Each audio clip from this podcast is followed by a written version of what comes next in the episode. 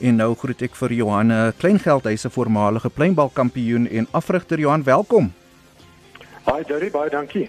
Gaan binnekort 'n bietjie oor jou boek praat, maar kom ons kyk gou terug na jou pleinbal uh, loopbaan. Uh, jy weet ek het jou uh, um, jou Wikipedia bladsy oop hier voor my.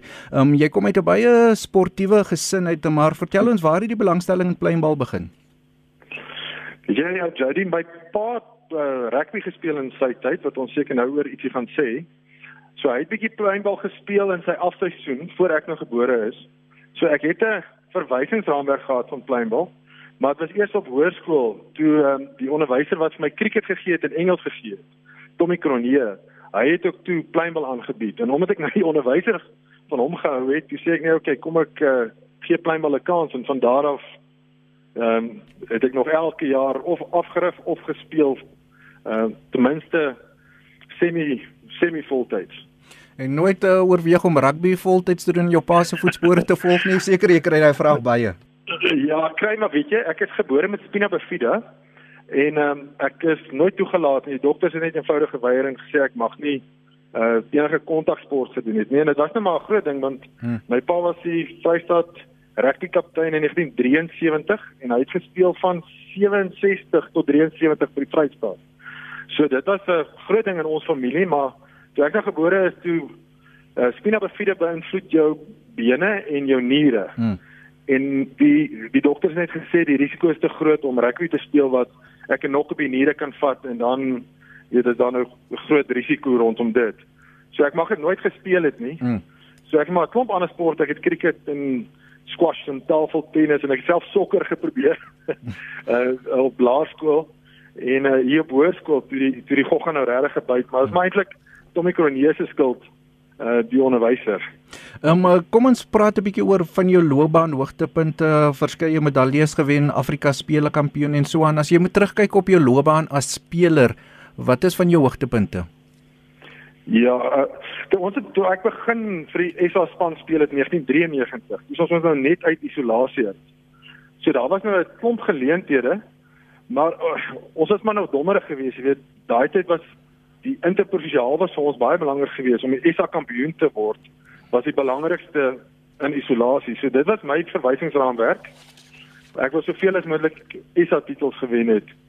En van daar af my volgende doel was was toe nou Afrika wat ek nou 'n paar Afrika titels gewen het. Ehm um, die stap hoër was miskien te hoog vir my geweest, weet om om nou 'n staatebond kampioen of 'n wêreldkampioen te word. Maar dis nou maar waar die die afrigting nou inkom wat hmm. my doelwit is om die talentvolle spelers daarna toe te vat. En hoe sê jy die stand van pleinbal in Suid-Afrika vandag as afrigter as jy moet terugkyk na jou dae as speler? Ehm um, hoe sê jy die stand van 'n pleinbal in Suid-Afrika beskryf? Ja, nee, baie baie verander vanaf ek gespeel het. Kyk, ek sê maar natuurlik dat sport verander. Ehm um, in die laaste 3, 4 jaar was daar ook veranderinge op die hoë vlak van die administrasie. So Pleinwag gaan definitief nou deur 'n transisiefase en ek sal sê met die COVID en alles, almal se fokus is om nou as ons ons dan weer die COVID is en alles begin normaal raak, dan dink ek gaan ons meer fokus om te sê okay, kom ons vat dit weer van ons bou van onder af. Dit ons bou 'n goeie basis en dan bou ons van daar af. As die administrasie uitgesort word en die die spelers begin weer kan nou weer begin fokus op toernooie en so aan daar's 'n klomp jong spelers. Daar daar ek sal sê die laaste 5 jaar was daar 'n 'n gaping gewees. Uh topspelers soos Jacob Maliaikal, Andries Malan, Bian Viljoen. Daai daai was almal Olimpiese spelers. Hulle hulle het klaar gemaak. Hulle het uitgetree. En daar was nie noodwendig 'n groep spelers wat net hmm. by hulle oorgevat het nie. Maar as ek nou kyk, dan sal ek sê 3, 4 jaar is daar moontlik hierdie juniors jong 19, 20, 21 jariges gaan dan hoe kan ek sê in hulle in hulle beste vorm begin inkom. Ehm um, Nita Skols het nou al klaar uh, haarself bewys as 'n is die Afrika kampioen as 19 jarige laas jaar. So jy kan net dink met 'n 4, 5 jaar nog van goeie internasionale blootstelling, hard oefen, goeie afrigting kan sy regtig ehm um, dinge doen vir Suid-Afrika.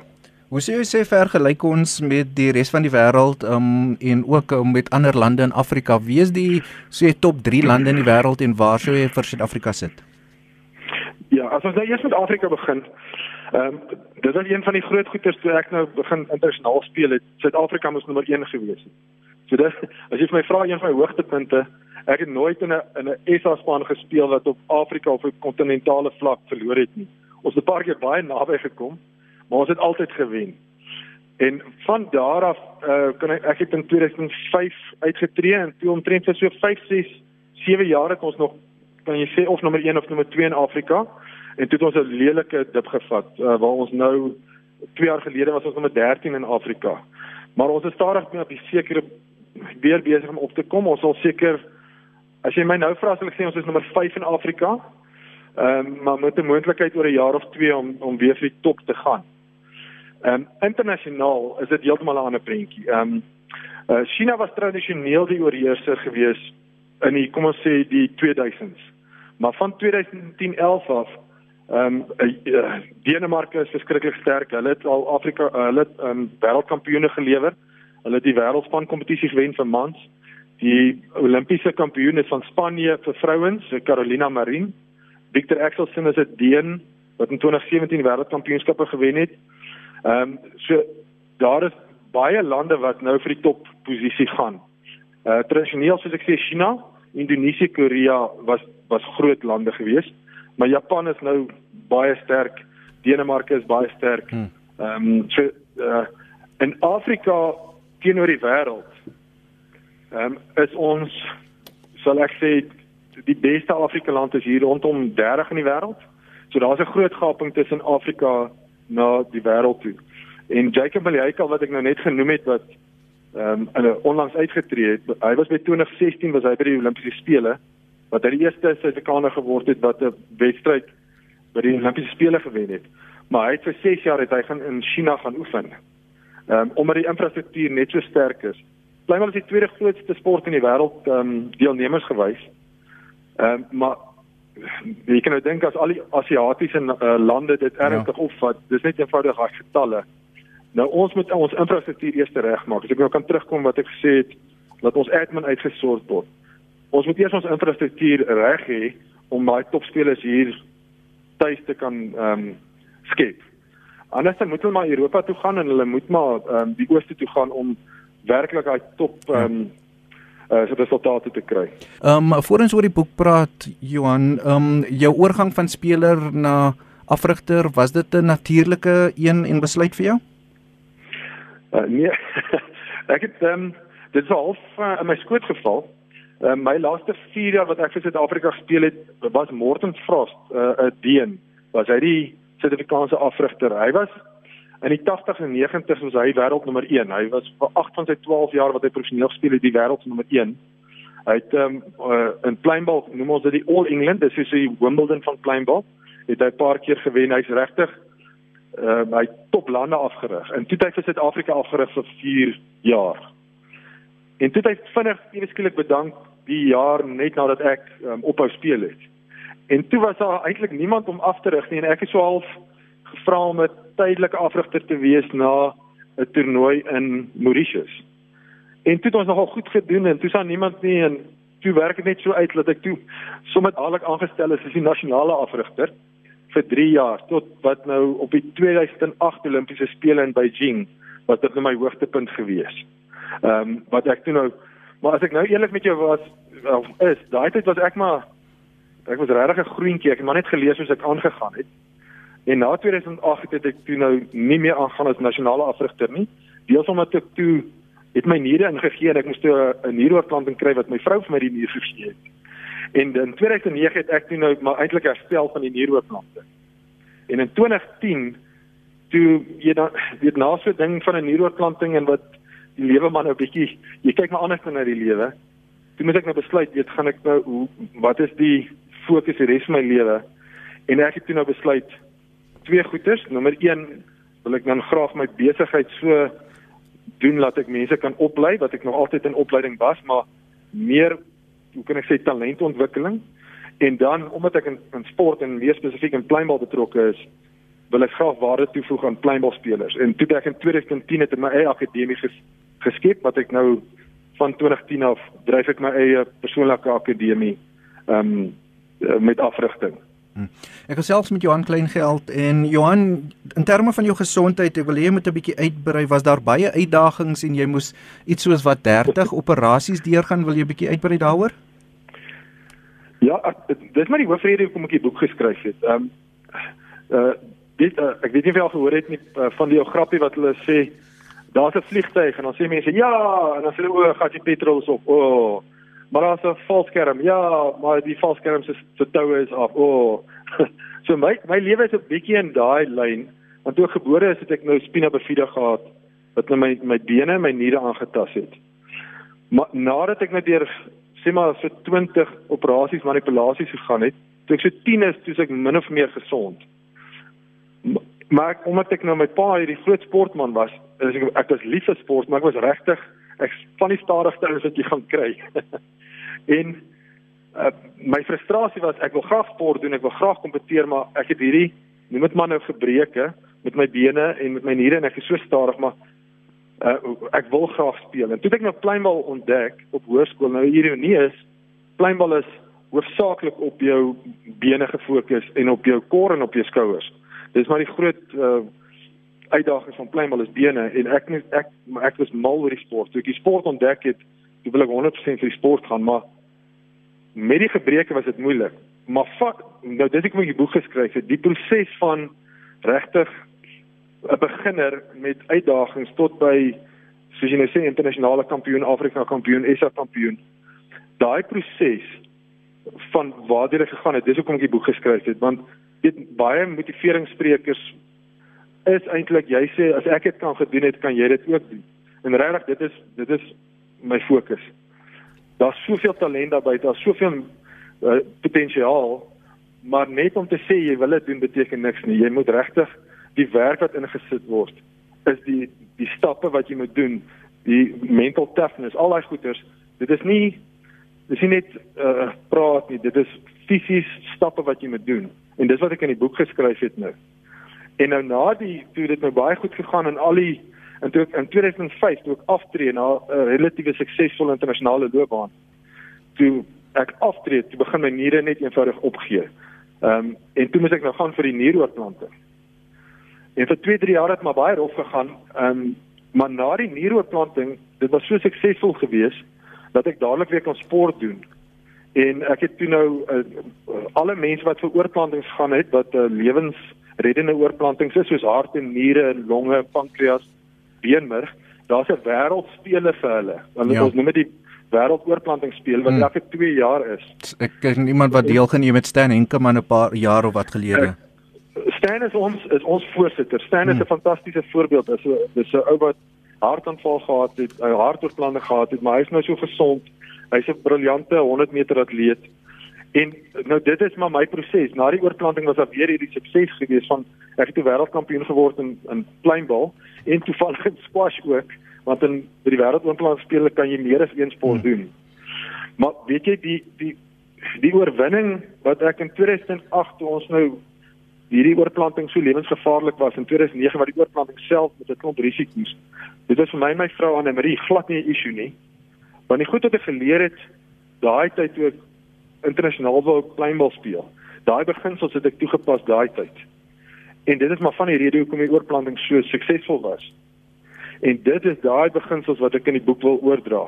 Ehm um, en nie net nie net die mooi storie, dis 'n lekker storie om te lees nogal die mense wat dit nou vir my geproef lees het, sê hulle geniet die boek. Maar in die boek byvoorbeeld almal weet vir 'n sporter of 'n besigheid, want ek wil nie net 'n sportboek maak nie. Ehm um, omdat ek ook 'n besigheid het in opleiding uh, vir besighede opleiding doen oor kliëntediens en verkoopvaardighede en al hierdie goeders. Dis nie dit dit gaan nie net oor die praat nie. Dit is fisies die stappe hmm. wat jy aktief moet gaan doen, die praktiese stappe om sukses te maak. So vir al mense praat, ja? Nee, ek wil vir jou sê die wat my opsomming van die wat ek gelees het van die boek was dis 'n kombinasie van 'n sport en 'n tipe van 'n motiveringsboek vir Jan Alleman. Ja. Ja. Weet jy die beginsels in sport of in besigheid of in verhouding met jou vrou of met jou man of enige aspek in die lewe, die begin soos dieselfde. Jy jy wil uh, excellence, ekskuus nou vir die vir die Engelse woord, jy wil uitnemend wees in wat jy doen met jou met jou werk. Maar daai beginsels wat jy moet toepas om excellent te word in jou werk, presies dieselfde wat ek moet doen vir sport. Dis dieselfde wat 'n besigheid ou moet doen as hy wil sy kliënte diens op 'n baie hoë vlak hê. As jy 'n verkoopspersoon is en jy wil doelwitte bereik om sekere uh, verkope te maak om finansiëel sterk te wees. Dis dieselfde selfde beginsel of dit nou 'n sport is, besigheid, verhouding of jy 'n radioaanbieder is, hm. maak nie saak wat nie. Die beginsels is dieselfde. Ehm um, ja. Johan, wat het vir jou hoop gegee in die moeilike tye? ek nee, daar's nie 'n spesifieke ding nie. In die boek het ek 30 beginsels wat ek gaan probeer identifiseer het in my lewe wanneer dit gebeur het wat nou half deurbrake was. Maar deel van die boodskap van die boek is, dit is nie dis nie een ding wat my hoop gegee het nie. Dit is amper die som totaal van 'n klomp goeters. Ek weet nie of jy of jy ooit die vlieg gekyk het Any Given Sunday nie. Ja. Ehm um, met Al Pacino se se toespraak daar in die, in die kleedkamer van elke duim tel. Dis nie maar sien nie een duim wat tel nie, dis die as jy al die duime bymekaar maak wat dit vir jou daai ekstra voet gee om jou suksesvol te maak. En regtig met met die met die um, toe my niere nou ingee so 10 jaar gelede en weet dit die die dood klop maar aan die deur. Dit was nooit vir my my vrou 'n issue gewees nie. Want ons het geweet dat sekere goedes ons moet positief wees. Uh, ons kan nie te neergedruk wees nie. En dit was net eenvoudig dis net nog 'n uitdaging in die lewe en ons pas dit toe en dis hoe ons daardeur gaan gaan het. En dit is amper net vir ons 'n verrassing dat dit suksesvol was die oorplanting nie want die, die beginsels is ons toegepas. Ehm um, as jy as jy hoor wat ek sê, so daar's nie een ding wat my deurgedra het of iets van daai af nie. Dis maar die beginsels wat wat deel van my lewe geword het en dis wat ek sien met my spelers wat ek afrig. As ek my besighede is, die besighede wat luister die beginsels gaan toepas dit word net eenvoudig deel van hulle kultuur, hulle hmm. besigheidskultuur. My spelers wat ek afrig, ek kan sien as 'n deel word van hulle lewe. Ehm um, kyk dit nie 'n waarborg nie. Daar's klomp mense, daar's soveel spelers wat ek al gehad het met talent wat dit net eenvoudig nie gemaak het nie vir watter rede ook al. Maar hierdie beginsels het nooit deel van hulle lewe geword nie. En in besigheid kan jy sê dit dis nie deel van die kultuur van die besigheid nie. Dis hoekom dit nie deurtrek nie. Ehm um, so dis is eintlik 'n leefwyse ehm um, Ek dink excellence is 'n leefwyse. Uh uit uitmuntend is 'n leefwyse. Dis nie dat jy in my in uitmuntend is daar waar jy nou jou werk doen. Maar jy as jy nou huis toe gaan en jy kom by jou vrou of meisie wat ook al nou het jy ander lewe nie. Dis maar dieselfde beginsels wat deurgaan. Hmm. Nee, ek hoor jou baie interessant. Ek gesels met Johan Kleingeld oor sy boek en sy loopbaan. Uh, my laaste vraag aan jou Johan, uh, COVID-19 het die hele sportwêreld onkant gevang en in terme van pleinbal en vir jou as afrigter, wat was jou benadering in terme van met jou spelers en die impak wat hmm. jy dit gesien het op sport gehad het? Op ja. hele sport gehad het? Nee, uh, ons groot uitdaging is uh, pleinbal is binne huis. So die die verspreidingsrisiko is uh, relatiewer hoër. Kyk tennis, hierdie ouens is relatief ver uit mekaar, dit maar so in die buitelug ook.